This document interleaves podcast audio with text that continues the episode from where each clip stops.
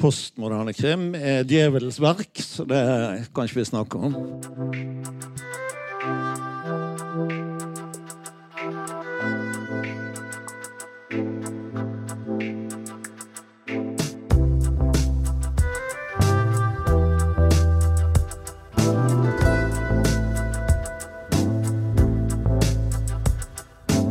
Dersom man leser Amtmannens døtre eller Stormfulle høyder og tenker at dette var gammelt og kjedelig og tamme saker, så er man dårligere stilt. Men jeg, jeg likte jo det alvoret som kom inn der, da. Nesbø har jeg aldri lest, riktignok, men um, Lene Andersson ble jeg nylig lurt til å lese. Og jeg er mer positiv nå enn noen gang.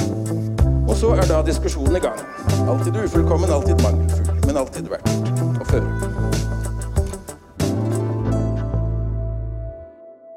Ja, velkommen til en ny utgave av Hagesalongen. Mitt navn er Erlend Lisberg. Med meg har jeg litteraturprofessor Erik Bjerk Hagen. Har du hatt en fin påske, Erik? Ja da. Korona, syk og alt mulig. Så det var greit å få det plassert i påsken. Ja, Du har ikke stått på ski og vært på. Finse som vanlig? Eller hvor det ble lite av det da, ja. Eh, Men eh, det er greit, Og så, så gikk, det, gikk det ikke utover jobben. Nei, Forhåpentligvis så har du jo fått lest deg litt opp på det vi skal snakke om eh, i dag. da. Nettopp. Derfor ble det mye krimlesing. ja. Ja, påskekrim er jo eh, i, i tiden. Det skal vi snakke om. Fortjener denne sjangeren en plass i det gode litterære selskap? Er det noe annet enn eh, det vi tenker på som eh, moderne samtidslitteratur? Har den en annen funksjon? Har krimforfatteren en en annen ambisjon? Og, og hvor viktig er litteraturkritikken for eh, krimforfatterne? Forholder de seg til den? Har de noe utbytte av den? Eller bruker de den bare til å sette eh, sammen en enorm mengde femmer og seksere på fronten av eh, bøkene sine? Ja. Men krim er vel litteratur. Men, eh, men kanskje på sin egen måte, da. Ja, Da får vi besøk av forfatterne Ingebjørg Bergholm og Krist Tvedt. De kan jo da gi oss noen perspektiver fra innsiden, kanskje. Og så må vi innom dette med forfatterkroppen, som etter sigende virker sunnere og sterkere enn noensinne. Er det noe anmelderne bør frykte, og kan det ha noe, får det noen konsekvenser for eh, litteraturen da, med all denne sunnheten? Men aller først til noe vi glemte å snakke om sist gang.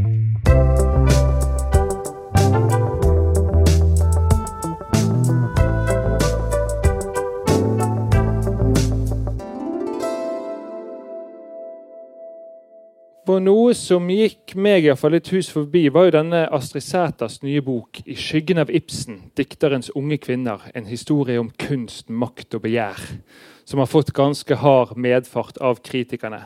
Men én kritiker var litt mer lunken enn de andre, og det var jo godeste Bjerk Hagen i Morgenbladet. Hva var dette for bok, Erik? En mild, en mild eh, Jeg var mild, jeg var ikke lunken. Det sier du sikkert i ettertid.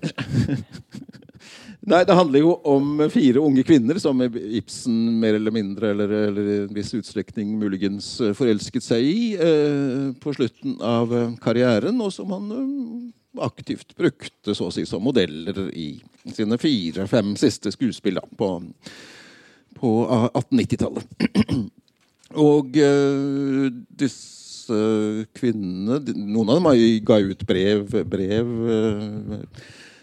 eh, eh, veldig tidlig, da, ikke sant, rett etter at Ibsen var død osv. Uh, men uh, men uh, Og alle, alle har ja, forskere, mannlige forskere, eldre mannlige forskere, som stort sett Ibsen-forskerne har vært, har jo alltid vært interessert i disse, disse kvinnene. Da, men, men denne boken her vil da prøve å å portrettere dem litt skikkelig på deres egne premisser. på en måte, Og så fortelle deres historier. eh, hva som skjedde med dem etter at, at, at Ibsen mistet interessen for dem, eller, og etter at Ibsen var død. Da. Ja, eh, Boken Den- fikk jo ganske kraftig kritikk både i, av Aftenposten sin Gunn Økland og Klassekampen. Elin Kittelsen, som vi snakket om eh, i forrige podkast, beskyldte jo Sæter for å repetere gamle stereotypier. Eh, være eh, fastlåst i inngrodde tankebaner og representere en, en pensjonert biografitradisjon, blottet for moderne feministiske perspektiver. Og, og så klare det kunststykket å liksom snakke om denne her gamle kulturmannens forføring av disse unge kvinner uten å liksom aktualisere det i forhold til dagens uh, debatter om kulturmenn og ikke minst metoo. Men du var ikke så opptatt av eh, det perspektivet?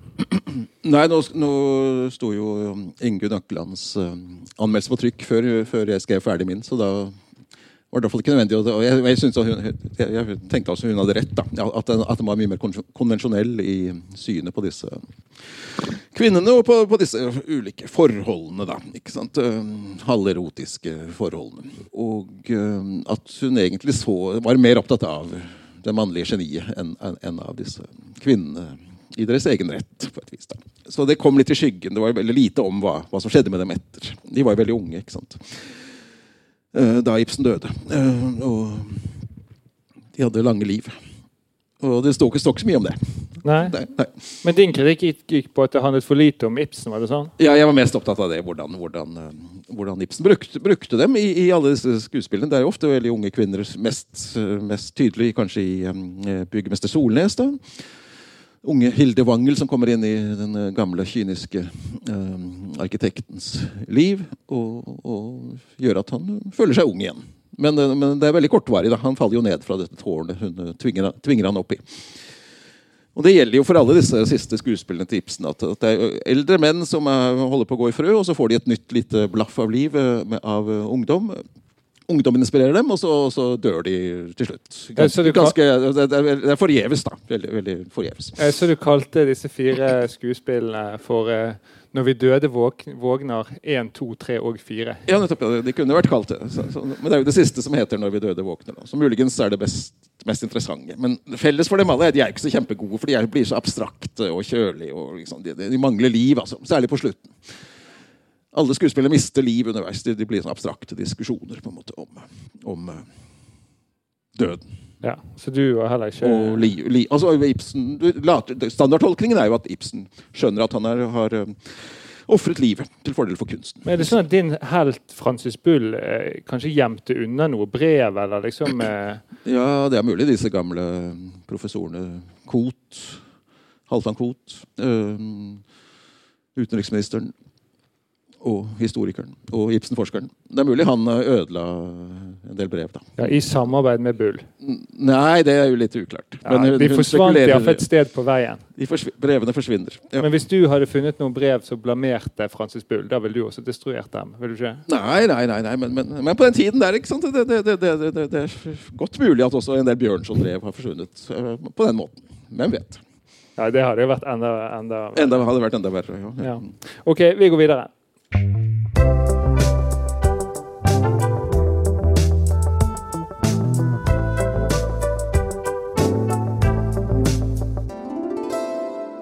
Forrige helg hadde Klassekampen en artikkel om hevngjerrige forfattere som konfronterer sine kritikere. Som vi har snakket om før, men denne gang på bakgrunn av denne kontroversen knyttet til den danske forfatteren Jakob Skyggebjerg, som nå droppes av sitt forlag etter å ha fysisk gått til angrep på anmelderen Katrine Dies og presset henne opp, en, opp etter en vegg og, og, på en overskridende måte, tror jeg på en eller annen måte eh, beskrivelsen lyder. Dette var jo noe hun avslørte da på, eh, på 8. mars i en sånn eh, tale da på kvinnedagen. Skyggeberg har jo, har jo, tidligere også utgitt sånne hevn, hevnromaner tror jeg, om, med kritikerne. Men vi kunne også lese for hvordan bibliotekets egen Erlend Nødtvedt skryter av å ha tatt en av sine kritikere i kragen. og, og, og, og etter ryktene jeg har hørt, også smelte smelt han opp etter en vegg. Og ikke nøler med å konfrontere uh, kritikerne ute på byen. Og det er jo ikke det at disse sakene i seg sjøl er spesielt originale. Uh, vi har jo snakket om forfatternes forhold til kritikerne i en tidligere episode. Kanskje to tidligere episoder, både med Thomas Espedal og med Olaug Nilsen. Men timingen var jo ganske urovekkende. For samme helg hadde jo, som disse voldelige tilbøyelighetene står i Klassekampen, har jo Morgenbladet en lengre artikkel om hvordan det nå har oppstått en trend for forfatterne å drive med hard styrketrening. Særlig urovekkende var det å lese at så mange lokale forfattere var representert. Olaug Nilsen og Sandra Lillebø løfta tungt. Eivind Riise Hauge, som jeg ikke kommer til å anmelde nå, tror jeg, kunne fortelle at han løftet 220 kg i markløft og hadde 130 i benken. Eh, Erik, jeg skal ikke spørre deg om dine benkpressmeritter. De jeg har en følelse av at de er ganske skrale. Men eh, det er en litt urovekkende tendens, denne kombinasjonen av eh, voldelige tilbøyeligheter og, og eh, styrketrening. Ja, det er det øh, kanskje. ja. ja forfattere har vel alltid slåss, slåss med hverandre og med, med, kritikere. Den gang de drakk mye, da. Men det er det de har sluttet med. Ja, denne, er ikke det også poenget? Jo, denne sunnhetsbølgen har jo Det var jo en sånn artikkel i Dagens Næringsliv også for et par år siden. og da om, Ikke om styrketrening, men om joggende forfattere. Særlig da i lys av denne Murakamis bok om forfattere, om eh, forholdet mellom løping og skriving. Vi fikk være med Gunnar Staalesen med joggegjengen i Fjellveien. Espen Stueland på maratontrening, og mange andre var intervjuet. Henrik Langeland, Hanne Ørstavik, Kjartan Fløgstad. Eh, hele skos, joggeskosamlingen til Klaus Hagerup fikk vi se. Og Høydepunktet var kanskje en skildring av Vigdis Hjorth. Perleøredobbene danser under ørene hennes. Svetten renner fra panen og ned bak Chanel-brillene. Det er ikke det at hun holder konkurransenivå. Hun løper bare ganske mye raskere enn antatt. I alle fall for en dame som løper for å etterpå kunne ta seg tre halvlitere med god samvittighet. Og så får jo journalisten være med etter joggeturen og drikke pils med eh, Vigdis Hjorth. Men denne her er trenden med at forfattere og kunstnere skal være så sunne, det er vel noe litt eh, nytt? er ikke det? Jo, det er det vel. Det, det, det har stått mye om det siden 80-tallet omtrent. da. Det, sant? det var det slutt på rødvin og på klubbsju-type kultur. ikke sant? Og så, og så, og så begynte man å, å, trene og leve sunnere. Mens midt i århundret så var var jo, forfattere stort sett tunge alkoholikere. Det er jo veldig kjent og åpent. Bjørneboe og André Bjerke og, og Johan Borgen. Og, de drakk jo mye, ikke sant? og de, de drakk jo mye, sprit osv. Ikke noe bedre i USA, som jo er det landet jeg kjenner best, best i tillegg til Norge. ikke sant? Faulkner, Fitzgerald, Hemingway, Steinbeck. ikke sant? De, de drakk, drakk seg nesten i hjel. De fikk jo skrevet mye allikevel. Og, og um, litteraturen er jo ikke blitt bedre etter at folk begynte å jogge. Det kan, kan vi vel være enige om.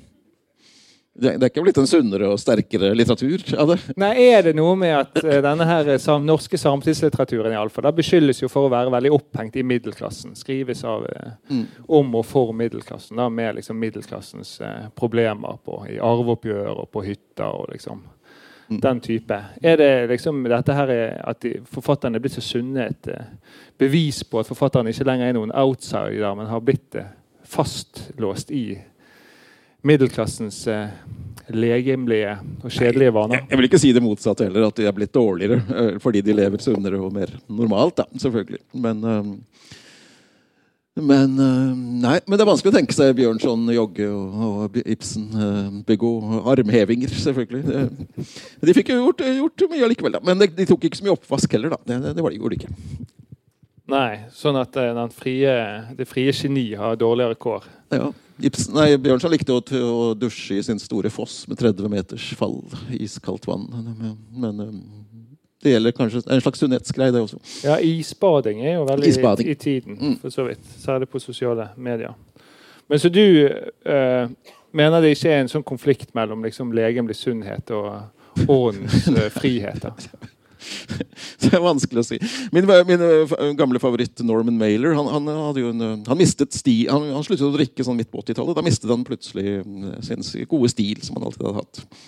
Så han ble dårligere. åpenbart. Om det var en sammenheng, vet jeg ikke. Det kan jo være at han følte at han ble dårligere, og derfor prøvde han å slutte å drikke fordi for det, det, skulle hjelpe uten at det hjalp. Men, men, men, men, men det er vel klar, klar, klar, absolutt. Ja. ja, for det er noe med de portrettene også. Denne myten om forfatterne som ja. på en eller annen måte bidrar til hvordan vi leser de og tenker om de, kanskje.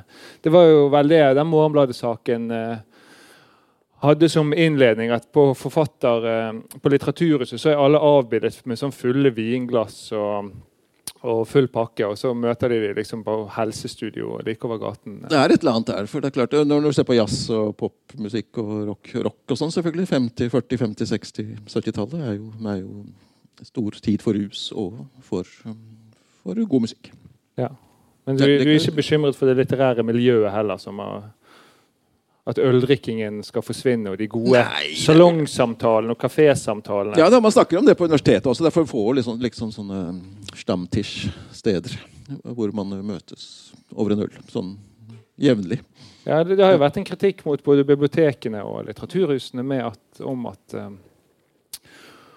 om at liksom kafésamtalen sånn som her da, liksom skal løftes opp på scenen og foregå i dannede former. Eh. Ja da. Men samtidig må vi jo si at norsk litteratur har jo fått et veldig godt eh, ry de siste 20 årene. Regnes jo som ledende i, i, um, i Norden, kanskje. Og, og norsk litteratur i dag er jo, ikke, er jo, er jo, er jo bra. Fungerer bra. Okay, Så ikke redd for forfatternes styrketrening, kan vi slå fast. Nei, nei, det, det, det blir for useriøst å si det, altså. At rus er lik kreativitet. Ja, det er mange som hevder det. Men vi går videre, vi. fordi at en eh, del av litteraturen som har veldig godt ry, ry i utlandet, er jo nemlig den norske krimmen.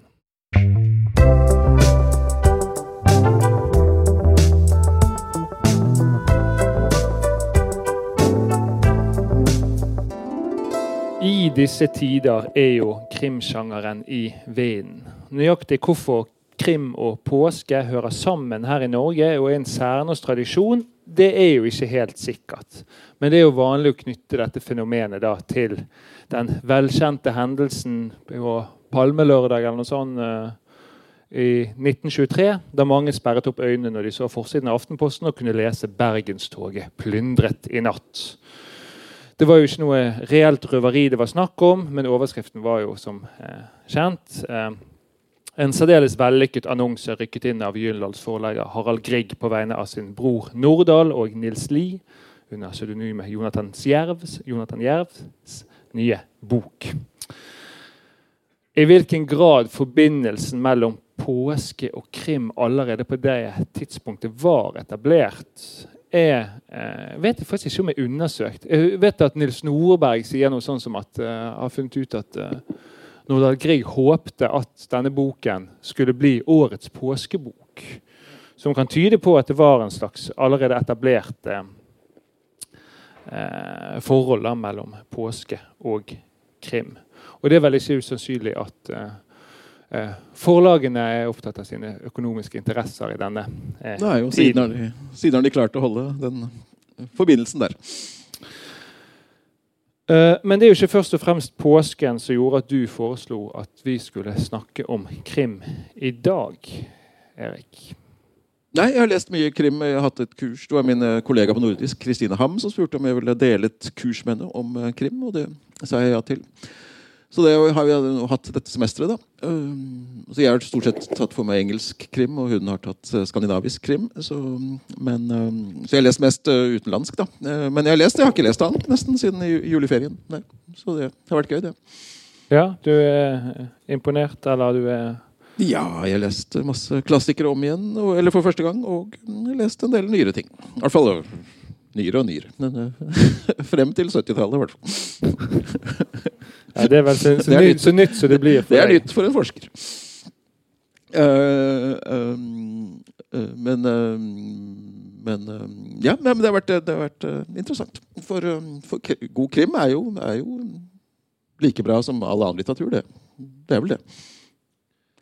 Ja, Det vel men du mener jo at alt kan sammenlignes på en sånn måte, da. At liksom eh, Pretty Woman kan sammenlignes med Prost på Ja, Så en god film er også like bra som en god bok På et vis, for det med litterær kvalitet har jo mye med spenning å gjøre. ikke sant? Spenningen, som jo er karakteristisk for, for um, krimlitteraturen, den, den, den ligger jo der i, i all litteratur. All god litteratur. Man, man blir spent. Man leser videre. Hva, hva skjer nå?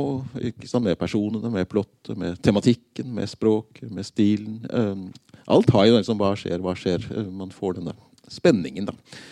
Som er en sentral del av selve, selve kvalitetsfølelsen, vil jeg si. Så, så, så der er det jo et stort slektskap. Og det er ganske klart at den gode krimmen Der er det ikke bare hva skjer nå i handlingen, men det er like mye hva skjer i personene. Hvordan utvikler de seg, hvordan, hvordan, hva skjer i språket. En krimbok kan jo, per, kan jo uten videre være, være like, like godt skrevet som, som en eh, ikke-krim. Eller en såkalt Det som ble kalt seriøs litteratur, eller høylitteratur, eller hva man kalte det før. Det var jo slik at Krimmen kom jo også godt inn i det gode selskap sånn på slutten av 60-tallet, 70-tallet. I Norge fikk man jo da mange Man, fikk eh, eh, norsk litteratur Nei, kriminalliteraturs historie, f.eks., ved Bjørn Karling. Kjartan Fløgstad skrev, skrev noen berømte essays om, om, eh, om krim. Eh, man begynte å undervise da, det på, på universitetet osv. Så så det skjer samtidig med denne, ellers, eh, denne bølgen ellers, da med populærkulturen på en eller annen måte kommer inn Ja, eh, som kom gradvis etter krigen, med først jazz, kanskje, og så kanskje europeisk film, eh, Hollywood-film, poprock.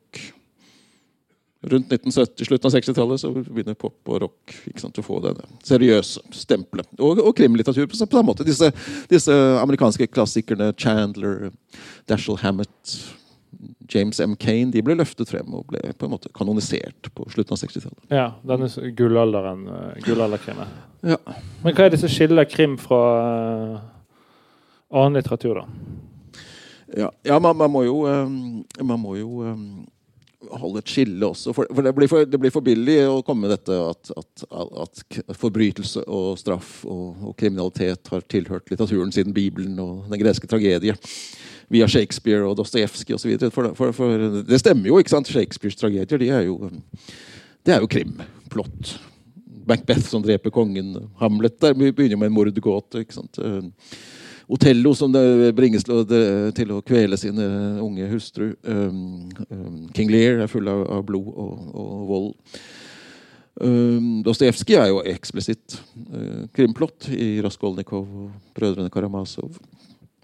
Men det blir for billig å si at det også er krim. på et vis da? Det, det er en egen sjanger eh, som blir lansert. Det er jo enighet om det at eh, Edgar Allan Poe man kan si at han, han initierte sjangeren i, i, um, rundt 1840. Da. Ikke? Men ikke minst denne, Han skrev vel tre krimnoveller. Det er en del krimplott i hans andre mer gotiske noveller også, men, men eh, det er tre rene krimnoveller med en eh, detektiv. Da. Ja, for det er en type, sant? Det er den første klassiske detektivfortelling som, som lanseres av, av Poe. Og så er det den nest, altså, Sherlock Holmes var jo en slags kopi av, av Poe. og, eh, Sherlock Holmes og Watson var, var en slags sjarmerende versjon av, av detektiven til Poe og hans medhjelper.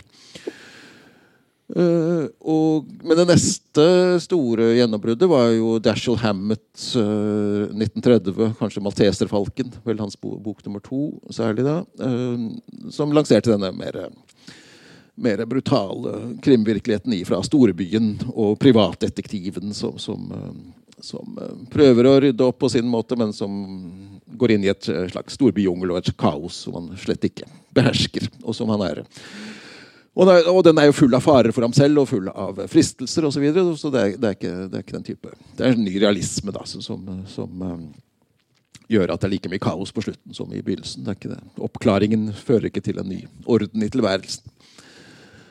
Tough, the tough guy i sentrum, eller såkalt hardkokt krim, ble det jo kalt en gang.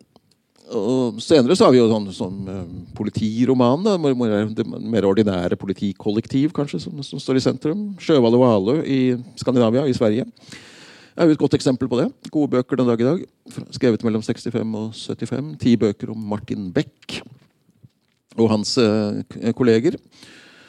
Eh, ordinære, alminnelige, skikkelige politifolk som gjør så godt de kan da, i en mer og mer uoverskuelig eh, Du fortalte meg i dag at du får veldig stor sympati med disse politifolkene. At Ja, det, ja, det, det antydet at eh, Martin Beck kanskje ikke skulle Ja, på slutten, de, de var jo planlagt i ti, ti uh, bind. De jo, på slutten så er det, er det noen terrorister i Stockholm som Det kan se ut som kanskje noen av heltene der blir, skal bli skutt. da. Det ville vært trist, syns jeg. Ja, da, da, Selv om det var siste bok. da begynte du å bli nervøs. Jeg å bli nervøs for det. Eh, nei, Så er det mange andre under- underkategorier, selvfølgelig. Thrilleren med, med, med spenning, den rene spenningsromanen med ofrene kanskje, kanskje i og ordinære mennesker i hovedrollen. Trusselen mot dem. Og så er det noen som følger f- f- forfølger da forbryterne. Enten de er skikkelig onde og skrekkelige, eller, eller eh, de er mer ordinære mennesker som begår feilgrep. da. Eh, blir en slags tragedie. Eksempel denne kjente 'Postmannen ringer alltid to ganger' er et veldig flott eksempel på, på en sånn tragedie med to sympatiske mennesker på en måte som begår et mord. da. Uh, man følger for forbryteren. Det er kanskje det også en slags hoved... Men, hoved- men altså, jeg, du har ikke svart på det spørsmålet jeg stilte i sted. For det Ja. var hva som skiller krimmen fra skjønnlitteratur eh, ellers. Er det plottet, liksom? Er det plottstrukturen? Eller er det masse forskjellig?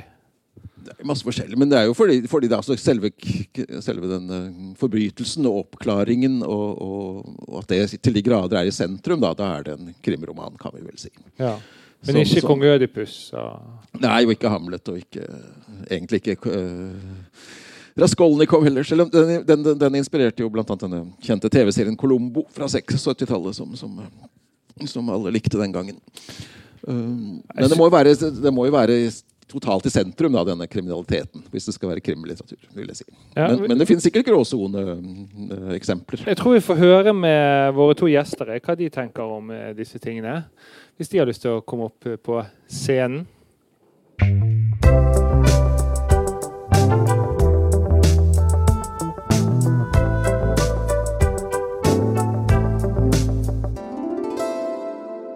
Ingebjørg Berg Holm og Chris Tvedt, velkommen til Hagesalongen. Tusen takk. Takk.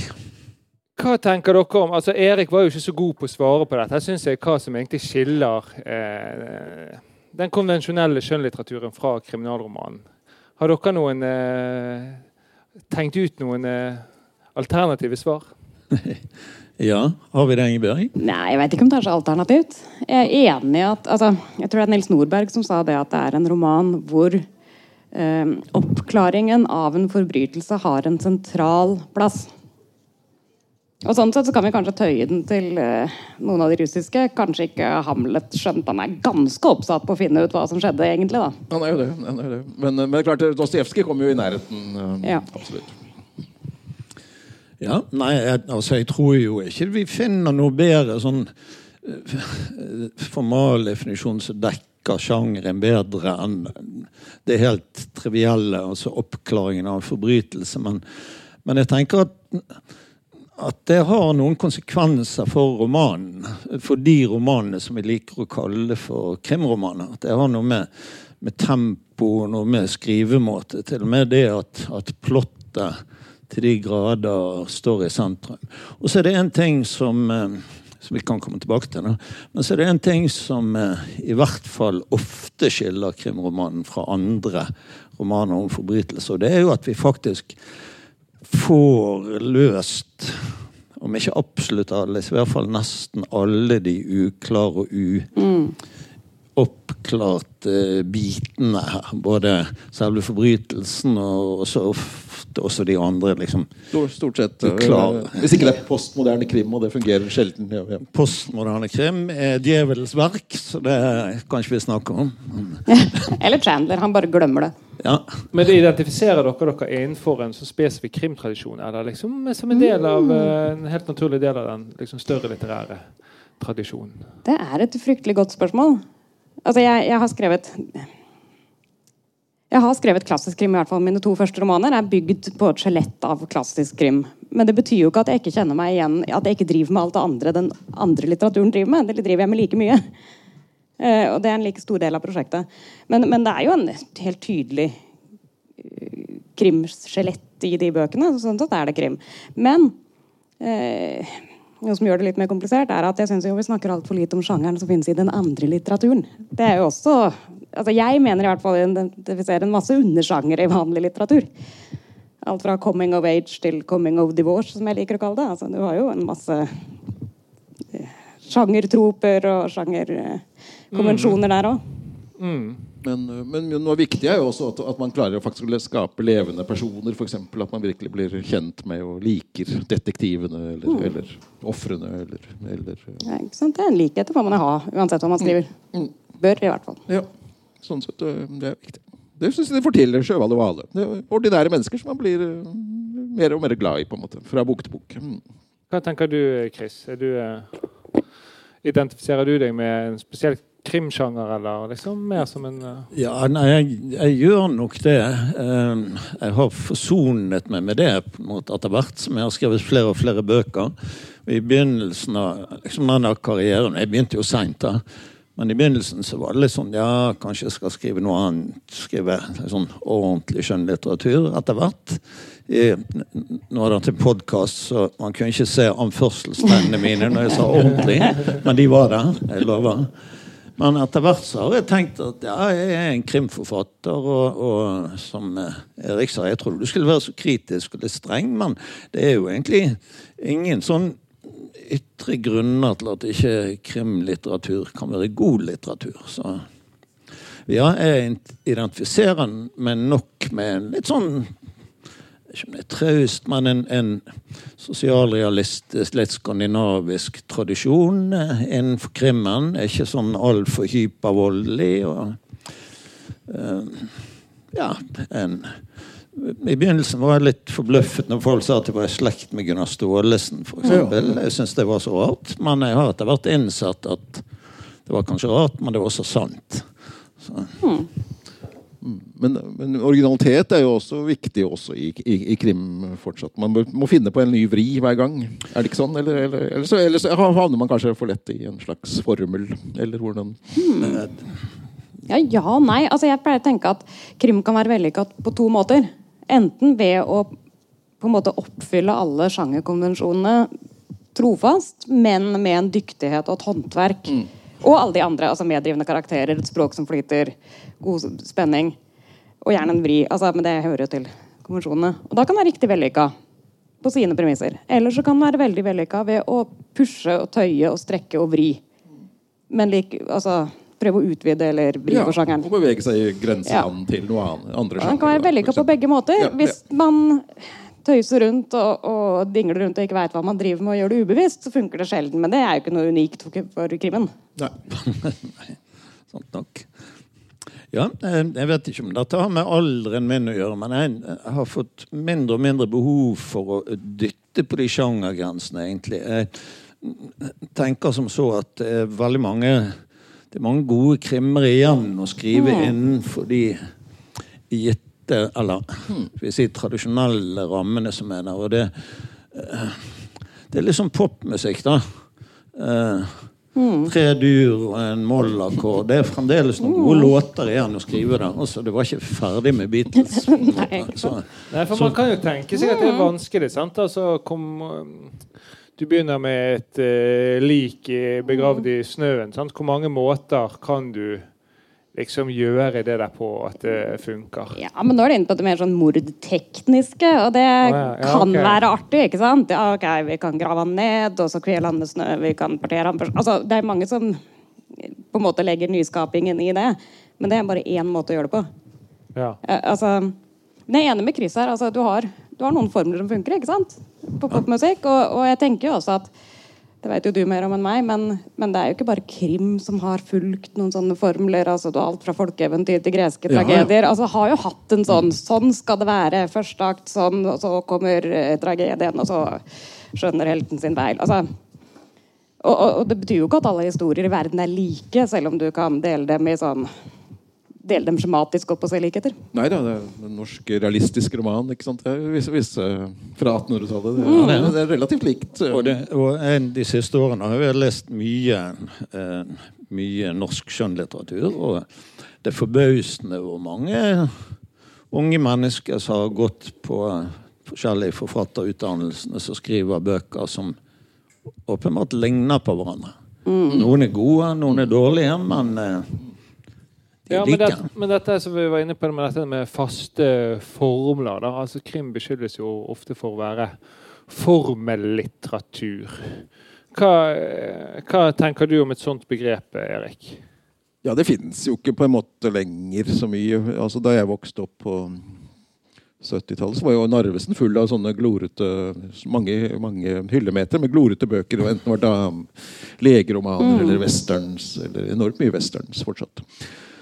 Og krimbøker. Ikke sant? Og det, det, var vel ofte en slags formellitteratur. Men uh, så ble jo norsk eh, krim og hele sjangeren eh, oppvurdert da, på 70-tallet. Og vi fikk, fikk eh, Staalesen og mm. Jon Michelet og andre i begynnelsen der. Og etter det så, så kom vel da krimen krimmen inn i det gode selskap som i hvert fall alminnelig såkalt mellomlitteratur. da, altså det, det brede mellomsjiktet i litteraturen, som, ikke, som er over formellitteraturen, men kanskje muligens da under virkelig det mest prestisjetunge høy, høylitteraturen. Ja. Formel, formel består jo egentlig av de to enkle elementene at det skal være en forbrytelse, og så skal den egentlig løses. Og, det, og, og det That's it.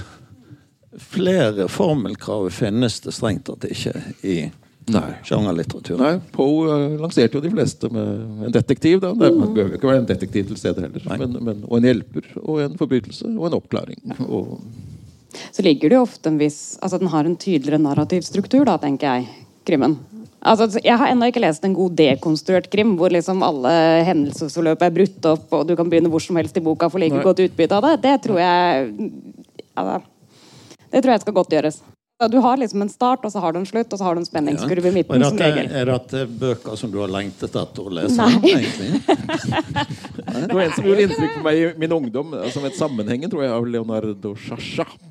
En italiensk, mer eller mindre avantgarde forfatter. Og når jeg leste den om igjen og, for noen år siden, så var den helt flat og. Men var det krim inn nå? Ja, det var en slags Ja, krim, men, men alt gikk i oppløsning. da. Ja, ikke sant? Men det er det som av og til skjer når de seriøse forfatterne prøver seg på krimsjangeren. Så dette er min tolkning av hvorfor det skjer, da. Men så har de liksom en, et mord og en intrige og følger det. Og så kommer de til slutten, og så er det så jævla vanskelig å få det til å henge sammen. Viser det seg. Så de gir opp, da? Ja, så gir de opp, Ja. og så bare finner de ut sånn Nei, vi vet ikke hvem som gjorde det, og egentlig skal jeg bare sitte her og drikke øl på gården min, eller ja. Litt opp til leseren. ja ikke sant? Veldig åpen slutt. Det er klart Hvis vi har en enormt åpen slutt, så er det kjempelett å skrive krim.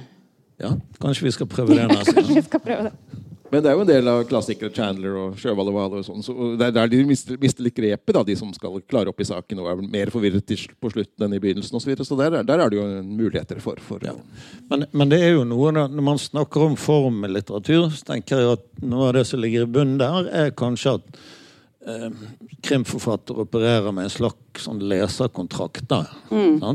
Og en del av den kontrakten er faktisk at eh, ikke alt må ikke oppklares, men det meste meste. må oppklares, og det Ja. viktigste må oppklares. Og, og hvis ikke, så tror jeg at leserne hadde blitt sure, og det, det kan man jo for så vidt kanskje leve med, i hvert fall. Man kommer til et sånt sted i karrieren som jeg har gjort, men eh, Men det er jo da påfallende hvordan krimmen liksom Iallfall en del litterære kretser på en måte er helt skilt fra eh, den eh, seriøse skjønnlitteraturen. Mm. Med eller uten eh, eh, anførselstegn rundt seriøs.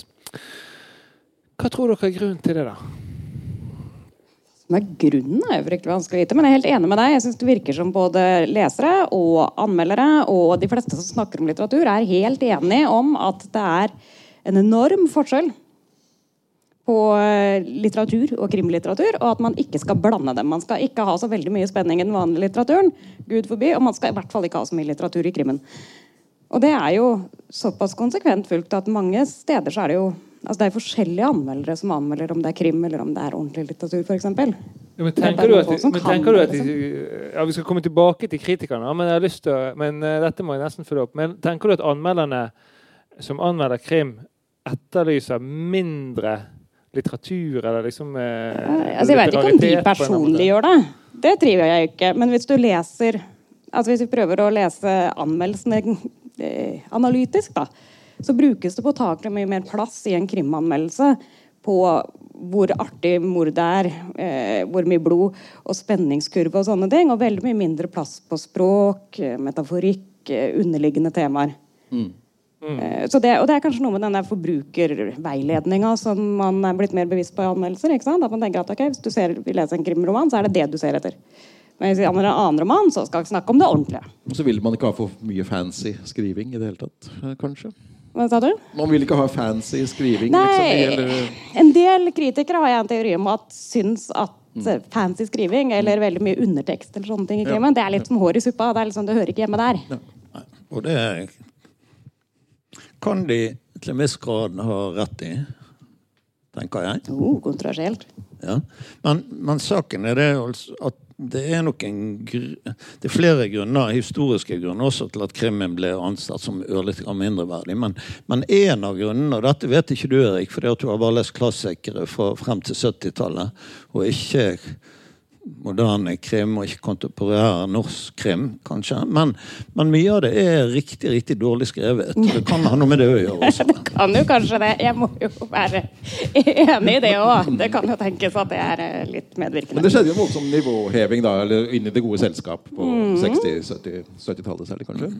Og videre, da. Eh, Men, men hvordan er status i dag? Har, den behold, har den holdt seg, på en måte? Eller har den gått, er det vært en slags backlash? Nei, det, jeg syns det er faktisk litt vanskelig å vurdere. Og det er vanskelig å vurdere uten å komme inn på det med kritikken og litteraturen, som vi, kan, visst eh, skal vi kan tilbake til. sige over det. Altså. Vi kan sige over det, ja, sant? men eh, man er jo ikke helt ute av det eh, gode Nei. selskap. Men man er kanskje ikke helt inne i det aller beste selskap heller. Um, Vil jeg tro. Sant? Eh, det har noe med Tror jeg noe med hvordan krimforfattere nærmer seg språkrøkten å gjøre. Ja. For det er ikke noe tvil om at, at plottet er kan spørre krimforfatter hva er viktig, språk eller plott. Sant? Og, og det er forbløffende mange av de som sier språk, men de lyver nesten alle som en. Fordi at det er på en måte plottet som driver krimbøkene. altså innenfor den tradisjonelle sjangeren. Det, det er plottet som er motoren i dette. Og det betyr ikke at du skriver dårlig, men det betyr at mange legger mer arbeid i plott enn i språk. Forpliktelsen på det spenningsskapende er jo Det står jo og faller på det. at Du kan ikke ha en, eh, en eh, krimbok som ikke er spennende. Kan ikke det? Nei, Eller men- jo, det kan du. Ja. Jeg har lest mange. Ja, ja. ja, det går jo an å få utgitt, de fleste, romaner, de fleste romaner er jo, har jo også plottet i sentrum, faktisk. da, I, Til alle tider, Bortsett fra i høymodernismen og en del avantgarde. ja, det er jo ikke noe som krimmen fant opp, akkurat det. Det er jo heller ikke det at det er litt spennende nå, da. Det er heller ikke noe som krimmen fant opp, liksom. Ikke mord engang fant nei, krimmen opp. Og alt har jo kommet tilbake. En realis- realistisk roman har jo mye høyere status nå enn den hadde en periode. Mm. Ja, under, utvilsomt. under under høymodernismen. For, for jeg innbiller meg jo at noe, noe av grunnen til at krimmen på en måte fikk mer status og fikk et slags gjennombrudd, er jo også at at han holdt seg til den gode, gamle narrative dramaturgiske oppskriften, mens alle andre Flippet seg modernisten i vold og, og flippet ja, ut. Ja, det, det er noe med, med en fortelling, faktisk. Altså, jeg syns ikke jeg skal slenge for mye drit om det. Start, slutt, spenningskurve. Det funker. Det har funka ganske lenge. Eh, Men, men det er noe med, som du sa, altså at det, det er helt kurant, det er helt greit at, at plottmessig alt ofte er i fokus, ikke sant? Eh, Men det er noe med måten man snakker om det på i kritikken. at Altså, ofte så snakker man så sier man effektivt språk. Ja. Og det er for så vidt en helt grei ting å si. fordi at det, på det beste, altså Dette er en slags sjangerkonvensjon i krimkritikken. Men, men opprinnelig så kan du tenke at det betydde at ok, språket formidler det det skal. Uten at det lugger, uten at det er noe sånn forblommede greier, uten at det er for dårlig, men heller ikke at det liksom det er den språklige estetikken i seg sjøl. Og det er helt kurant. Det, det kan funke utmerket. Men det har etter hvert blitt en slags omskrivning har jeg følelsen av, for skriver ganske rævdårlig, men ikke så ille at jeg ikke orker å lese. Og da gir man jo også en viss altså Dette er en ting som irriterer meg, at det, det er større tillatelse til å ha dårlig språk i krimlitteratur, syns jeg. I nyere, nyere tid. I nyere, oh, ja. i, i, ifølge kritikerne, da. Altså, du får mye mindre påpakning for direkte dårlig språk. Og da, altså, dette påvirker hva man skriver, og hvordan man skriver det, og hvor nøye redaksjonen jobber med det. ikke sant? Så det blir jo en selvoppfyllende profeti. Ja, men Da tenker jeg at det ligger en annen ambisjon også hos forfatteren. Da, hvis eh, man liksom tenker på den måten om sitt eget eh, kunstverk, på en måte, som jeg eh, oppfatter at de fleste forfattere tenker på sin egen litteratur. Da. Ja, men De går jo ikke inn for å skrive dårlig. Men det er sånne Nei, små liksom- ting som kan lukes litt ut, jobbes litt mer med. ikke sant? Og det ligger kanskje mye i redaksjonen òg. Man kunne knadd en runde til. Men det, er, det betyr ikke noe for noen. ikke sant? Og det er jeg sterkt uenig i. Altså, All litteratur hviler på språket, tross alt. Ja, det trenger ikke men det dyrke det estetiske. Men. Det Men finnes en eh, annen ambisjon, da, sånn som du snakker om det på en eller annen måte. At man At det handler om å kanskje Mhm. av og til gi ut en bok eh, i en jeg vet ikke, en serie, mm. eller liksom å gi ut en, en, en bok. Det er mer enn at man tenker på dette som uh, uh, sitt eget eh, Ja. eh, verk og barn. Men det er jo fortsatt måte. en grunn til at man skriver det, og ikke at alle bare prøver å lage filmer, f.eks. Altså, det burde i hvert fall være det. Så lenge du skriver, så er språket verktøy, og da må det i hvert fall være effektivt. da, På ordentlig. Fungere. Jeg er litt usikker på om det finnes en annen ambisjon. Det er liksom både ja og nei. Altså man, veldig mange krimforfattere kommer fra et annet sted. Det er jo også Mm. Noe som står på poeng. listen. Ja. Man- De kommer fra et annet sted. De kommer fra et ikke-litterært sted. Og det eh, betyr at de har ikke lest så mye som mange andre forfattere har. De har ikke skrevet så mye kanskje i tidlig alder. De har ofte bakgrunner som ja, aksjemegler eller gud vet hva. Og så er de opptatt av språk, men de tenker og opplever og føler språk på en litt annen måte enn eh, folk som har gått på forfatterstudiet et eller annet sted, tror jeg. Men det er også noe med at de hva du har lest, rett og slett. For eh, det er jo ikke noe spesielt for litteraturen, det, men all kunst Ja. eh, skapes i en slags dialog med, med annen kunst som du opplever eller ser eller lærer noe om. Og hvis du bare leser krimlitteratur hele livet, så trenger det ikke bli dårlig, men det, ble, det skjer noe med språket. Disse gamle er amerikanske klassikerne hadde jo også andre yrker. Pinkerton detektiv, riktignok. Eh, Ja, det er jo utrolig kult. Hammett, Hammett det var veldig kult. Ja. Og eh, Chandler var vel ansatt i et oljeselskap lenge. Ja, Det er ikke fullt så kult. Ikke fullt så kult. Og Kane han var journalist og litt forskjellig. Men det, Men Ingebjørg, du har jo uh, meldt deg på i en slags debatt, eh, kan vi si, etter at eh, vår unge kronprinsesse fikk utdelt den store bokgave fra Forleggerforeningen, tror jeg det var. ja, men ingen Med krim. Et brett, Dette kommer jeg til, Erik. sant? Ingen krim. Med et bredt utvalg norsk skjønnlitteratur, men Ingen krim. Ingen krim. Nei. Og da rykket jo eh, Anne Holt ut og var uh, forferdet. Og så eh, Men, hun, men eh, denne avgjørelsen da blir jo forsvart av denne her eh, satirikeren med alpelue som av og til eh, dukker opp, Dagfinn Nordbø. Som da forsvarte da, dette valget mellom med å utelukke en sjanger som er helt unyttig og den mest spekulative litteraturen som finnes. Uhemmet og, som uhemmet og utilslørt appellerer til skikkeren og det morbide i oss. Jeg tenkte vi ikke vi skulle gå så dypt inn i Nordbøs analyse her. Men i ditt svar, som uh, var i en form av et brev til deg sjøl, så eh, antydet du jo også en slags eh, en viss bitterhet da, for at eh, krimforfatterne og krimmen var utenfor det gode litterære selskap og ble sett ned på av kulturelitister og sjangerfrie kolleger i Forfatterforeningen. Ja, det er korrekt oppsummert. Fremdeles eh, bitter. Ja, altså jeg har jo en slags kognitiv dissonans som sikkert i det Venn-diagrammet mellom at Sånn som vi snakka om at du syns at uh, krim Kanskje all, altså at det ikke er all krim som er fabelaktig godt skrevet. Og den andre sida av meg som syns at nå får man ta seg på tak og skjønne at krim er litteratur, og at vi ikke er de eneste som bedriver verken spenning eller sjangerkonvensjon. Hvis du legger de to sammen som et Venn-diagram, så finner du bitterheten i midten. Og der er jeg. I kognitiv dissonans og bitterhet. Ok. Hva tenker du, Erik?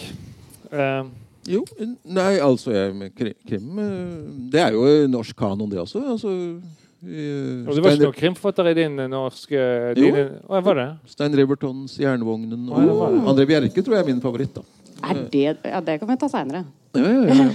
Jeg har en høne å plukke med André Bjerke. noen holder jo på Torolf Elst. Men det er da, på, det ja. er da påfallende, Ingeborg, og så vidt Erik, at når, når liksom den litterære eh, jeg på å si eliten, eller ikke eliten, men Mm. når, når akademikerne eller, eller andre skal snakke om krim, så, så eh, jeg har en gang hatt en diskusjon med Kjartan Fløgstad om kriminallitteraturen. Mm. Og han har ikke lest en eneste krimbok etter at han skrev 'Loven vest for Pekos'. Nei, nei.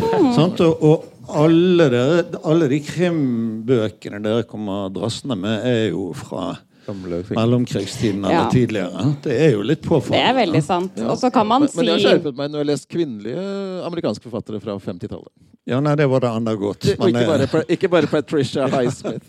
Ja, men, ikke sant? men det er jo en viss sånn De fleste litterater kan strekke seg til at liksom eh, ja, Chandler var har noe, liksom. Og så kommer man jo ikke unna eh, er det Kjerstin Ekman? det er Ekman, ikke sant? Kommer av, tusen takk. Takk til lederen av Litterære råd. Nei, men du kommer jo ikke unna det, ikke sant? Men det er litt merkelig Chan at Chandler skulle liksom kanskje innenfor, for han er det er på en måte høylitterært. Ja, det mener Han, jeg òg. Det. Eh, Det er vel kanskje fordi så mange har prøvd å kopiere den hardkokte stilen, men gått glipp av liksom nyansene. Da, ikke sant?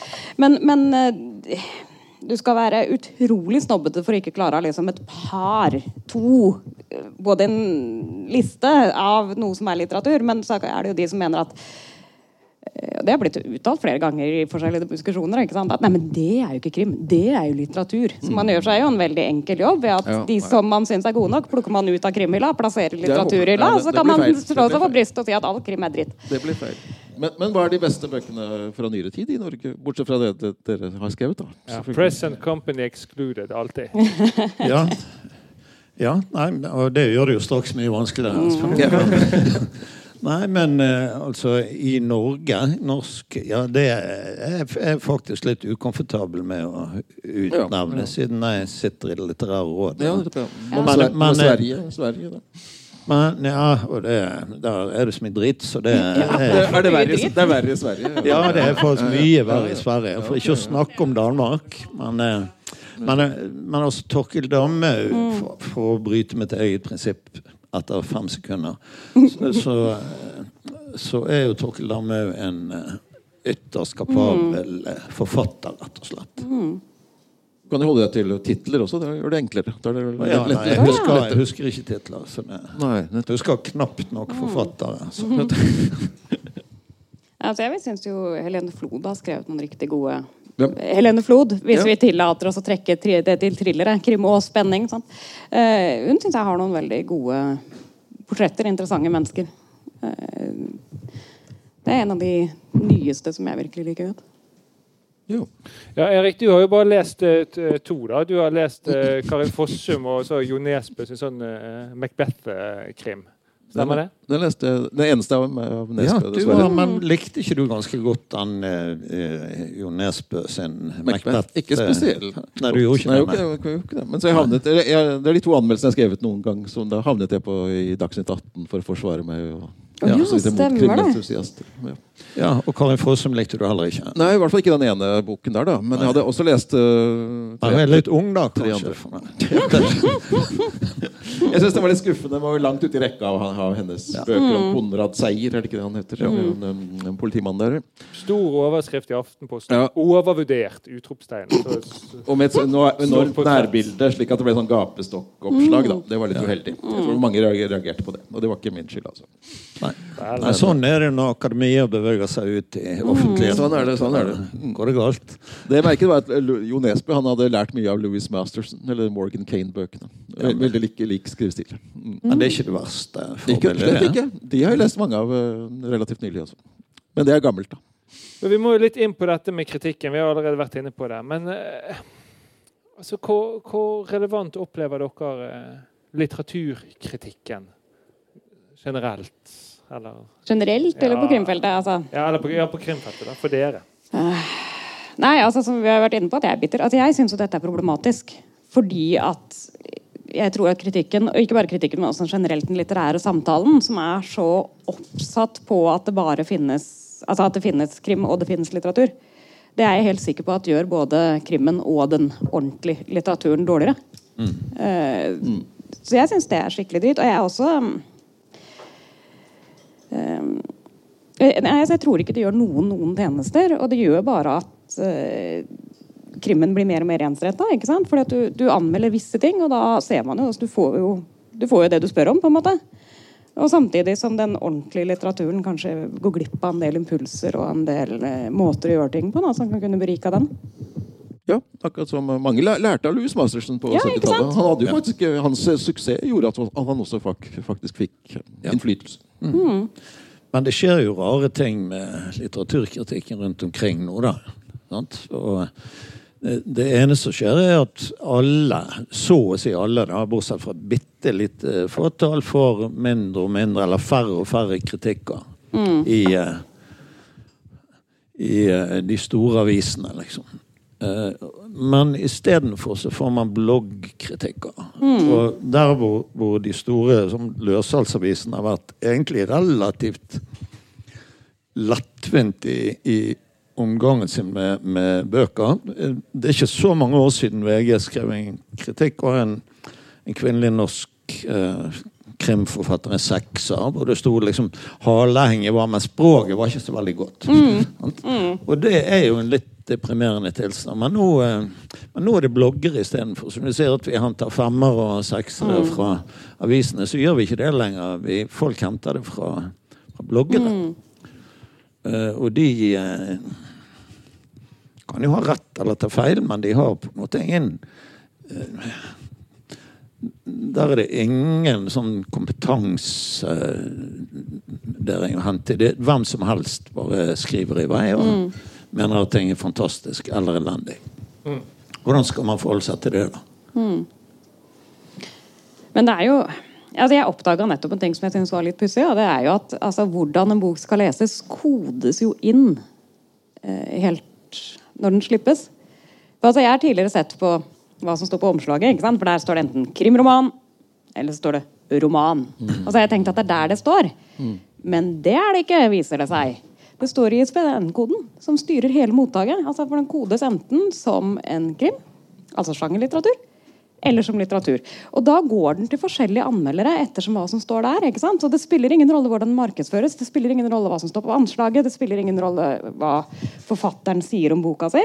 Hvis den er koda som krim, så er det krimanmeldere, og så snakkes den om som krim. Hvis den er koda som litteratur, så er det de sju dørene. Ja, Ok, den fikk jo litt, den ble gjenkjent som krim, da, men likevel. Det var jo en slags krim, men den ble lansert som ikke, var jo ikke krim. Ja. Klokkeklar krim. Ja, ikke sant? Ja. Og ja. eh, folk gjenkjente den som krim, Ja. men den gikk til de andre anmelderne. Og den ble en eh, salgssuksess også, antagelig. Eller? Jeg har nettopp lest den, er ordentlig god, men det er ingen tvil om at det er liksom en helt Det er ikke en, det, det det som en er ikke en eksperimentell krim engang. Nei, Det det er en en klokkeklar, klassisk Ja, krim. Veldig godt turnert, men det er en krim. Absolutt.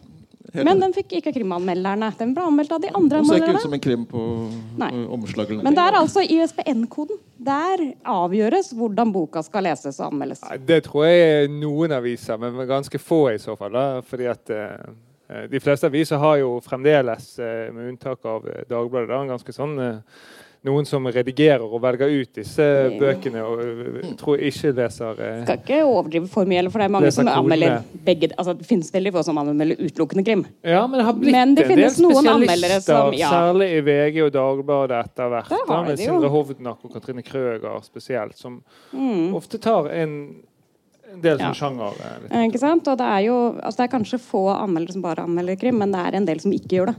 Ja da. Ikke sant? Som absolutt ikke Men gjør det. de sju dørene, eller eh, Agnes Ravatn, den ble anmeldt også da i Morgenbladet og Klassekampen, som aldri anmelder krim. Så det er jo Mm. Ja, det er ikke sant? Og der funker jo kanskje en sånn snikoperasjon av og til. Mm. Og det er interessant, og det burde, de burde hatt flere anmeldelser. Så.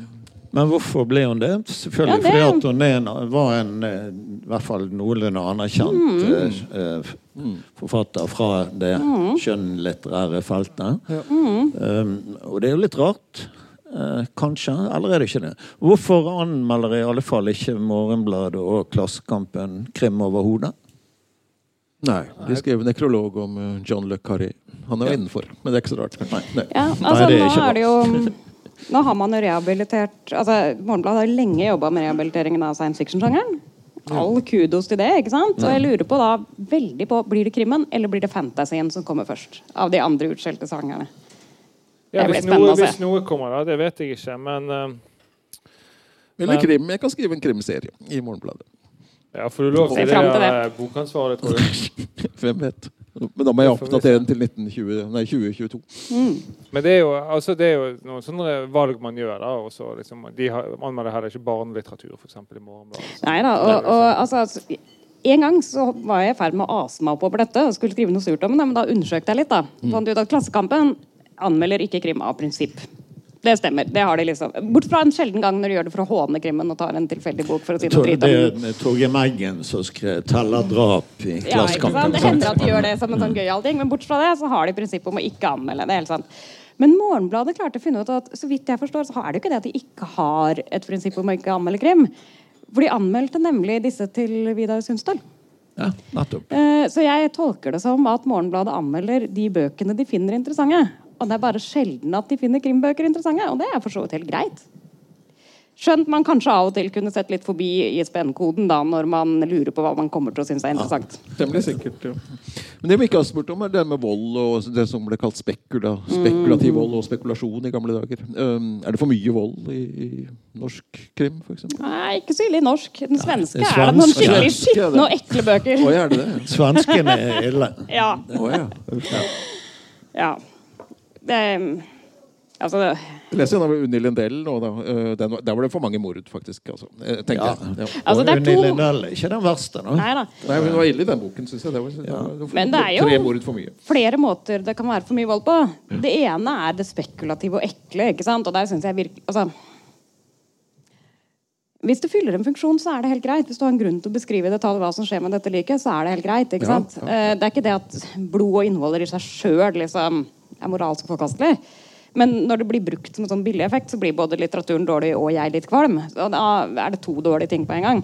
Og særlig når man skal blande inn eh, voldsomt mye sånn seksuelt misbruk av kvinner uten at det liksom et uten at det blir behandla ordentlig. da. Altså, Når det er sadistisk eh, voldtekt over side etter side uten at det liksom Men, men jeg syns det er så vanskelig å si noe generelt om det. Dette er film, da. Så Ja. Kill Bill, som blir betraktet som et mesterverk av Tarantino, som egentlig bare består av eller stort sett består av folk som får kappet av lemmer med samuraisverd. Men det er jo ikke lemmeavkappinga som er problemet der. Det er jo det totale kvinnehatet. Men, men lemmeavkappinga er helt grei for meg. Men Pulp Fiction den var skikkelig god. Det var mm. Ja, ja, ja. Passer Passe, passe mye vold. Men det er jo det, altså det er ikke volden i seg sjøl som er et problem, men noen ganger kan det bli vel spekulativt. Da. Altså det kan bli ekkelt hvordan man bruker Ja, ja. sjokkeffekt etter sjokkeffekt. Og det gjelder jo både film og, og litteratur. Gudfaren, men det andre Gudfaren problemet passer mye vold. Passer mye. Mm, Eller appelsiner og greier. Men det andre poenget ditt er jo at det kan være for mye vold bare fordi det kan bli litt kjedelig. Ja. Altså Når det kommer til fjerde mordet, bare sånn for at altså, Nå for tida klarer man jo ikke å lage film uten at den er minst eh, tre timer lang. Og man kan ikke skrive en, mord, en kriminalroman uten at den er 300 sider og minst to drap for mye. Altså, så når det bare er sånn utværing sidefyll, da er det ikke etisk problematisk, men det begynner å bli ganske kjedelig. da. Ja. Men det er jo en sjanger som som kan være litt sånn henfall til eksesser. Da. Det er ikke så rart. Men når du skriver om tematikken drap, mord og vold og død, så, så sier det seg sjøl at innimellom så vil noen forfattere gå for langt, og innimellom så vil sjangeren gå for langt i retning ultravold. Og så, så kommer det en reaksjon, antar jeg. Da kommer f.eks. psykologisk krim istedenfor. Ja. Sikkert det er så mye gøyere, da. Altså, Nei, altså. Ingebjørg, jeg har lurt på det. Altså, den, din siste roman den begynner jo med Den er jo eh, ganske lite kriminalroman, hvis du hadde kuttet de to første sidene, kanskje. Mm. Den er ikke en kriminalroman, den er mer en thriller. Ja, Og ja, en- en- om den er det eller ikke, kan vi også diskutere. en, altså. eh, Ja, en thriller, da, men det er jo en thriller pga. de to første sidene. Sant? Ja. Det er et lik som ligger der, og så hopper man Åtte eh, åtte Jeg måneder tøysa frem. faktisk med tanken. Prøvde å få forlaget med på å gi den ut i to varianter. En som var koda som eh, thriller, Mm. og med de to første sidene hvor man etablerer at det kommer til å dukke opp et lik. Ja. Altså en prolog som sier at noen skal dø. Og med sånn sånt thrillercover. Og så kunne vi gitt den ut i et annet opplag med sånn sobert cover med sånn lite sånn kulleriss. Ikke sant? Ikke noe blod, bare sånn enkelt. Så står det roman, og så tar vi bort prologen.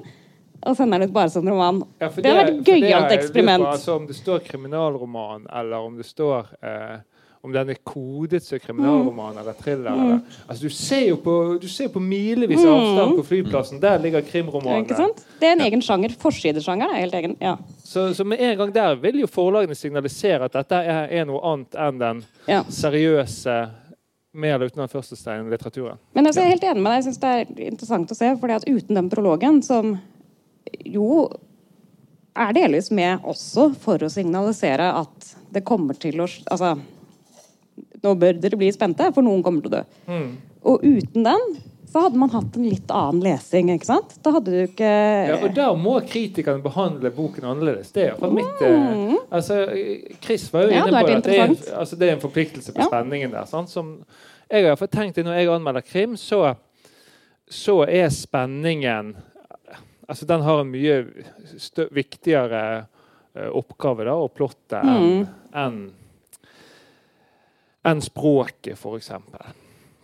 Og liksom, jeg vet ikke hva vi skal kalle det, erkjennelsespotensial Mm. eller meningsrikdom eller noe sånt.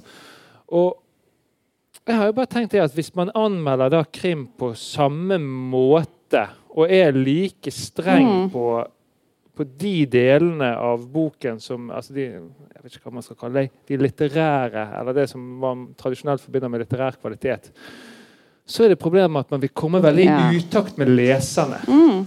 Og også med prosjektet til forfatteren. Men kanskje også med forfatteren. Ja. Ja. Det er Ja. poenget. Sant? Fordi at men de når bryr jeg meg ikke så mye om. Nei. Nei, men vi gjør Ja, vi, vi gjør men, det. eh, men, men saken er det at, at når du skriver en krim, eh, og dette har på en måte blitt klarere og klarere for meg etter hvert, så, så forplikter du deg i større grad på plottet. Det betyr ikke at jeg ikke er opptatt av språk. Jeg er veldig opptatt av språk, men jeg har jeg er blitt purist på det. Jeg skreller vekk eh, digresjoner, jeg skreller vekk metaforer. Jeg er blitt en hater av similer. Det ble færre og færre adjektiver. Og så kan selvfølgelig Ingebjørg si at det er et effektivt språk, men for meg så er det et, et språk som kommuniserer noe av det som er en, en tone og en stemning mm. i bøkene og i fortellingen. Sant? Eh, og det det betyr ikke at det er A-litterært. Det betyr at det er litt sånn skrellet. Ja. Rett og slett. Og min opplevelse er at hvis jeg bruker for mye tid på stingene, språket, digresjonene, så, så butter det. Jeg mister rytmen og fremdrift og trøkk i, eh, i krimifortellingen. Ja, da havner du inn i de, ofte de problemene som er i norsk samtidslitteratur også. Da. At det er rett og slett at det kan bli litt kjedelig. Ja, ikke sant? Det kan det jo av og til. Men, men det, det er litt tilbake til altså Det er en stor oppgave for en god krimanmelder her. Min ideelle krimanmelder skal være ganske godt dreven. Fordi at Vi kommer tilbake til det jeg sa i starten, at en kriminal kan være vellykka ved å oppfylle konvensjonene med et godt håndverk. Eller ved å tøye dem. Og da må man jo også Ja, se det. Altså, du må, du, krimhåndverk, da, på en måte. ja, krimhåndverk. ikke sant? Sjangerhåndverk. Og derfor må en krimanmelder være skolert på krimmen og gjenkjenne ting som fungerer uh, som fungerende for krimsjangeren, og ikke bare henge seg opp i at uh, Personlig syntes jeg ikke det var estetisk nok i språket, eller uh, Altså, Man må anmelde det på sjangerens egne premisser, og kanskje ikke sånn som man gjør med annen litteratur, når det er den typen krim. Men, og Problemet mitt er jo ikke at man gjør det, problemet mitt er at man anmelder absolutt alle krimromaner på den måten. Ideelt sett så burde vel samme anmelder anmelde annenhver bok krim og annen Ja, ikke sant? Og så må man gjenkjenne hva vil denne krimmen? Er dette en krim som forsøker å oppfylle sjangerkonvensjonen og gjør det godt eller dårlig, eller er det noe annet som skal på gang her? Og man gjør jo ikke det når du anmelder annen litteratur. Så er det jo ingen kritikere som tror at samme tilnærming fungerer på hver eneste bok. En god, krim, en god kritiker vil jo forsøke å se hva er denne bokas prosjekt. Hva er det som man forsøker å oppnå her? Oppnår man det man prøver på? ikke sant?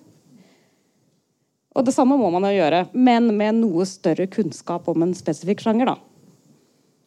Så det blir jo vanskelig. Ja, men, men da også tror jeg at man havner altså Også fordi som Chris sier, at det skrives såpass mye dårlig krim. Og hvis man da skal altså hvis man skal sammenligne Jo Nesbø med Jon Fosse, liksom, så, så havner man i forskjellige sjikt. Ja, det er akkurat det man gjør, Men da må du du se Nesbø han har ikke samme prosjekt som Fosse. Og han skriver Nei. en annen type krim. Den må man ta på dens premisser. Ja, ja, men Og så har du Ekman. liksom Da på- anmelder du det på andre premisser. Ja, men lar det seg på en måte gjøre altså, Selvfølgelig skal du se hvert verk for seg, da, Ja. men det er noe med at hvis man henger seg opp de litterære kvalitetene Mm. På en måte som er mer sånn allmenngyldig, da, så får man et problem ved at Ja. du havner i utakt med leserne. Så Man elsker det. Jo Nesbø, og så kommer den beste Jo Nesbø-romanen, og så får du Erik Bjerk Hagen som Jeg anmelder tror i du- den terningkast to. Jeg tror du havner i Du sa i utakt med leserne. Jeg insisterte på utakt med forfatteren, og det brydde du deg ikke så mye om. Men la oss si utakt med verket, da. Ja. Og, og det er jo et problem. Og, og jeg er helt enig med deg at, at og jeg har tross alt jeg har sittet i opptakskomiteen i Forfatterforeningen. Sant? Vi sliter med akkurat den problematikken. ok? Så vi slipper inn den krimforfatteren, men sier nei til den. Mm. Fordi at de har så åpenbart styrkene sine på forskjellige steder og måter. Og de har helt andre intensjoner med å skrive boken. Ikke eh, helt andre måter å nærme seg verket på. Mm. Men jeg syns det er vanskelig. Jeg har aldri greid å knekke den koden. Jeg har aldri greid å lage en oppskrift på som favner over alt dette. Leng, bortsett fra at jeg tenker at man må måte vurdere verket litt på egne premisser. Men dette er vel kanskje selve Gud vet hva det betyr. da. Det høres flott ut, men eh, Ja, ja, men ingen har sagt det skal være lett. Det er dritvanskelig. Det er enda vanskeligere å være krimkritiker enn eh, vanlig kritiker, antageligvis. Akkurat som jeg mener at det antageligvis er bed vanskeligere å være en god kriminalforfatter enn å være en forfatter som ikke er trenger å forholde seg til eh, de tinga der. Men, men altså det du sa om at uh, det gjelder å dømme verket på egne premisser, ikke sant? Og, og at du ikke kan finne én oppskrift som favner alt som gjør en krim god. Det er jo på en måte selve beviset på at dette er litteratur som all annen litteratur. Det finnes ikke én formel som sier at en roman er vellykka, hvorfor en roman er god. Men så er det noe felles greier i bunnen. Det er jo grenser for hvor dårlig du har lov å skrive en Ja, bok, selv om du skriver krim. Det er grenser for hvor banal eller dum du har lov å være. Uansett. Så, og alle disse tingene må jo kritikerne ha lov å Ja. påpeke. Ja, og så må man sammenligne det med, med Særlig i litterære råd må jeg tenke at det er en, eh, som du sier, en utfordring. At du skal på, på en eller annen måte sammenligne de opp mot uh, hverandre. Fordi at uh, kriteriet om litterær verdi selvfølgelig er basert på eh, Men du må jo kunne sjangeren litt, og det gjelder jo det andre òg. Altså, hvis du er uh, poesianmelder og verken liker dikt eller har pleid å lese noen, så kommer du ikke veldig langt. Nei, det går ikke. Og, og, og det må du jo ha. Så Derfor så anmelder jeg ikke Erik Mer, Karin Fossum og eh, Jeg kunne gjort det nå. jeg kunne gjort det nå, ja, ja, ja. Ja. Men, men dere mener jo at, at krim, norsk krim lever i beste velgående? Det gjør dere? Har- Får jeg ha inntrykk av eh, Jeg syns det lever i beste velgående, men, det- men det er jo ikke noe tvil om at det blir utgitt um, kanskje i overkant mange At den terskel, kvalitetsterskelen hos forlagene kan være godt kunne vært høynet litt, og de kunne brukt litt mer tid eh, og krefter Ja. kanskje på, på deler av det. Men det går jo, er det jo mange som mener om litteraturen generelt. da. Men, Altså, men det- betyr det ja. at, at også krimmen eh, Det har jo vært et gammelt, var jo et gammelt kvalitetskriterium at, at den liksom var en realistisk sjanger som sa noe om samfunnet, og, og gjerne samfunnskritisk selvfølgelig også. Ja. Men, mener, mener dere at, det- at det Ja. er uh, Altså Det er det alltid fortsatt. krimforfattere trekker fram når de skal forsvare sjangeren. Så sier de at vi setter problemer under debatt. Nå skriver vi om kvinnevold, vi skriver om flyktningkrisa, vi skriver om alle disse greiene her. Uh, det er jo ikke usant. Men jeg er litt lei av Er det det eneste vi kan forsvare oss med, altså, vi, liksom? altså, vi ligger 150 år etter skjønnlitteraturen. Altså, Vi setter, vi setter Problemer under debatt. Jep. Nei, men altså For det første, så ja, man gjør det man kan gjøre mye annet òg. og hvor godt man altså Bare fordi du sier 'en flyktning blei drept', så betyr ikke det at boka sier noe skrekkelig viktig, har en god analyse. Um, og det er jo mye annet man kan gjøre. Altså, nå kan jeg bare snakke for meg sjøl. Men jeg prøver ikke å skrive dagsaktuelt. Jeg prøver å skrive sånn som de fleste forfattere gjør, og si noe om mennesker. Og menneskelige dilemmaer. ikke sant? Og det kan jo krimmen gjøre like godt som Det er like velegna sjanger som alle andre men ikke litterære sjangere. nødvendigvis bedre. Nei, den er ikke bedre, men den er ikke altså, dårligere heller. Skal du forutsette at krimlitteraturen sier noe viktigere om samfunnet, så må du også postulere at kriminalitet er et på en måte bedre eller viktigere symptom Mm. på hvordan et samfunn fungerer og har det enn eh, og, og det er det jo ikke nødvendigvis. Det kan være like viktig å skrive om byråkrati eller posthornet til Vigdis Hjorth for å gi en samfunnsdiagnose. Men det er påfallende hvor lite hvis man liksom eh, holder på med litt eh, andre ting. Der. For eksempel, eh, jeg har jo vært så på et sånt prosjekt som har sett på eh, stra ulike strafferettsdommer, f.eks. Og påfallende stor avstand mellom det som skjer i en del deler av samfunnet, og det den norske litteraturen eh, befatter seg med. Da. Voldsomt. Og det er jo kanskje Ja, det er kanskje en av de viktigste tinga som kriminallitteraturen er i dag. Da, at eh, Kanskje ikke alltid er hovedpersonene, men altså, eh, Nå skal jeg like flåsete om norsk vanlig litteratur som eh, jeg hater at folk er om men, men det handler jo fryktelig mye om middelklassen som prøver å ha seg på si uten å bli skilt i dag.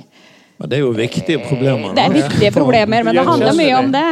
Eh, og, og særlig så er det veldig mye Det er veldig mye middelklasseproblemer, for å si det sånn. Men eh, et eh, siste spørsmål, da. Altså, Norsk eh, krim og skandinavisk krim har jo et veldig godt ry i utlandet. Er det de samme Dette har vi snakket om før med en del andre forfattere. sånn, Som, eh, som eh, eh, Der eh, en del bøker kan få ganske dårlig kritikk i Norge, men få veldig god ute. Og Gjelder det for eh, norsk eh, krim også? Og er det de samme forfatterne som er respektert innad i det norske miljøet, som er respektert utad hos de liksom, internasjonale leserne og kritikerne? I stor grad, tror jeg, med noen unntak.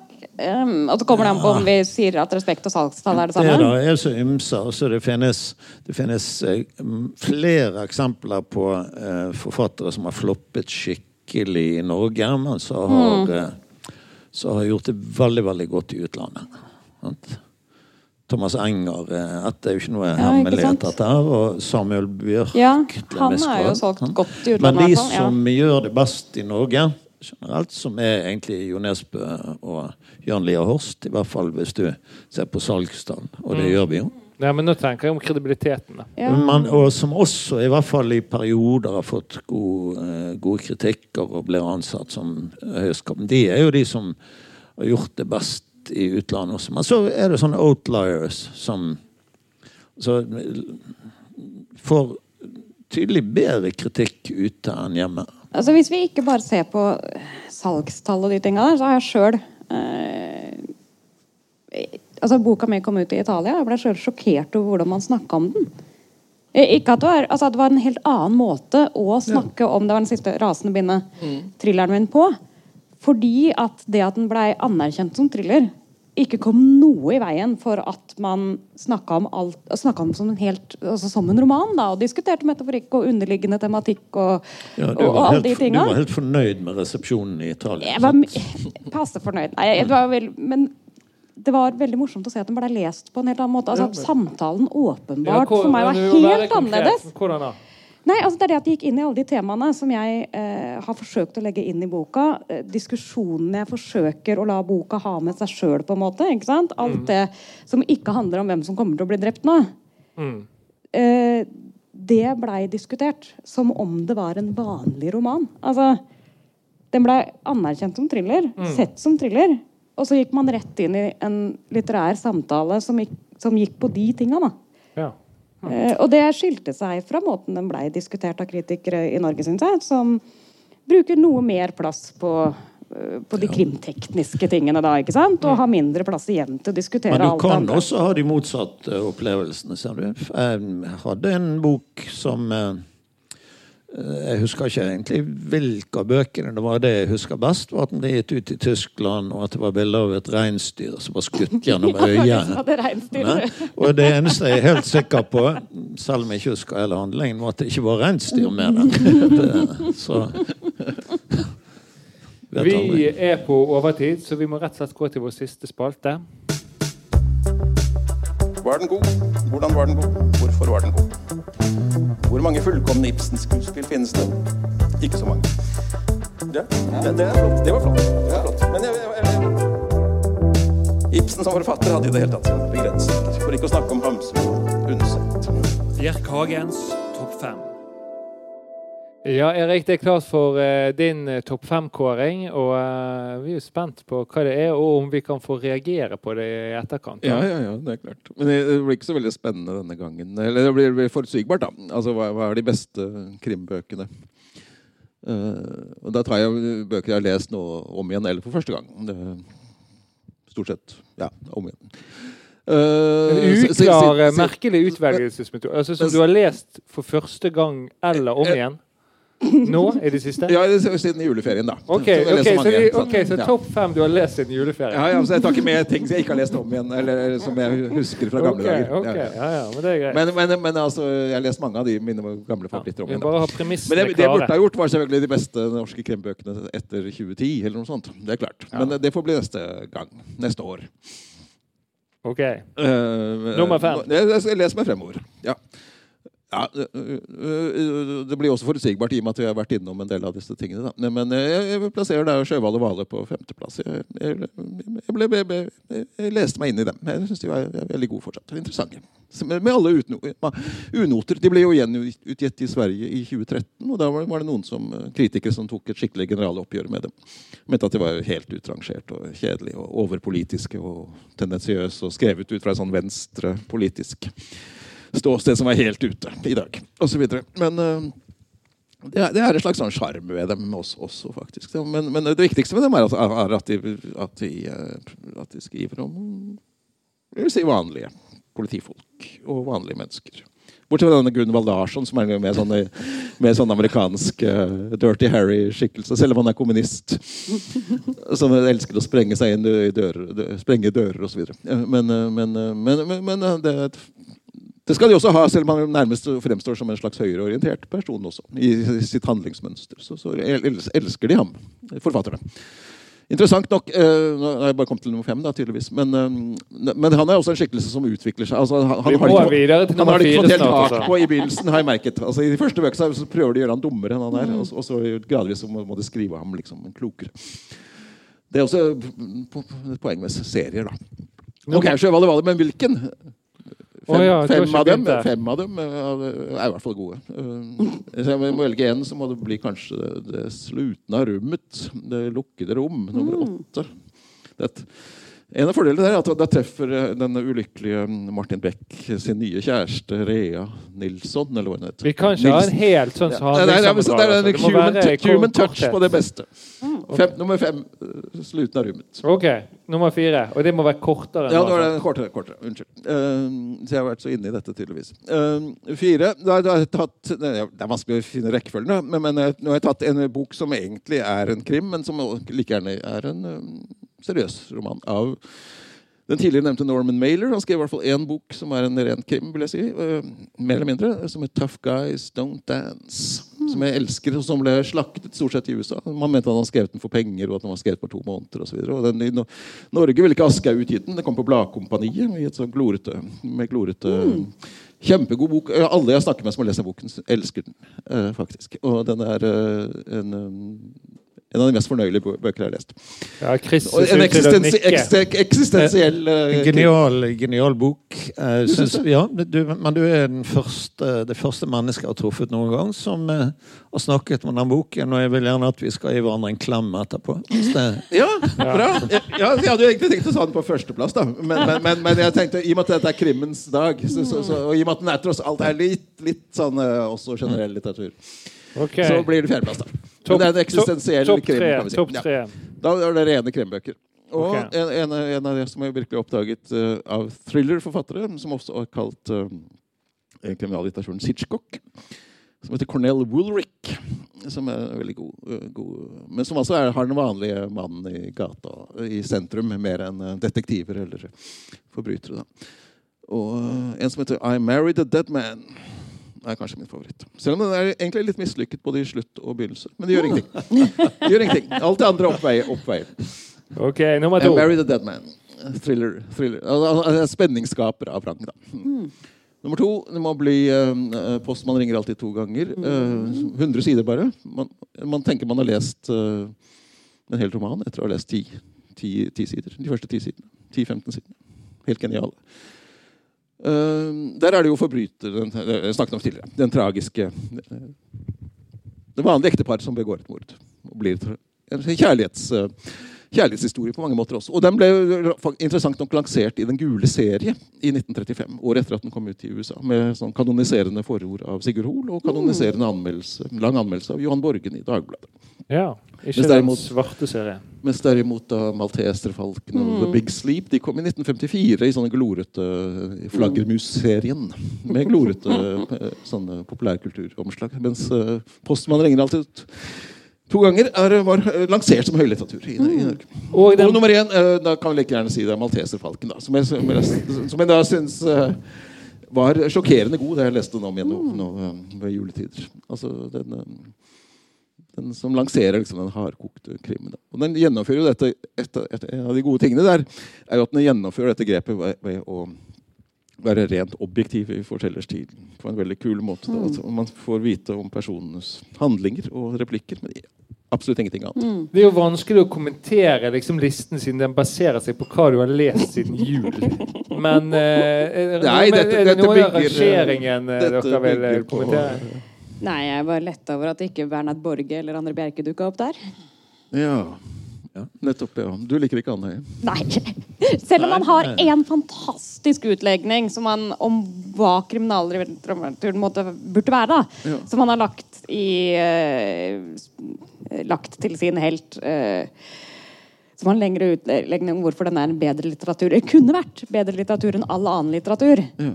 Hvis den bare ikke hadde vært overlatt til kriminalforfatterne.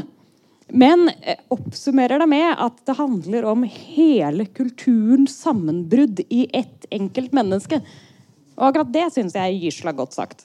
Resten, altså, Bort fra det skriver han brøvl og oppfyller ikke sitt eget postulat i det hele tatt. Men Men, han skal ha det. Men ganske morsomt. Veldig morsomt, men ganske teit.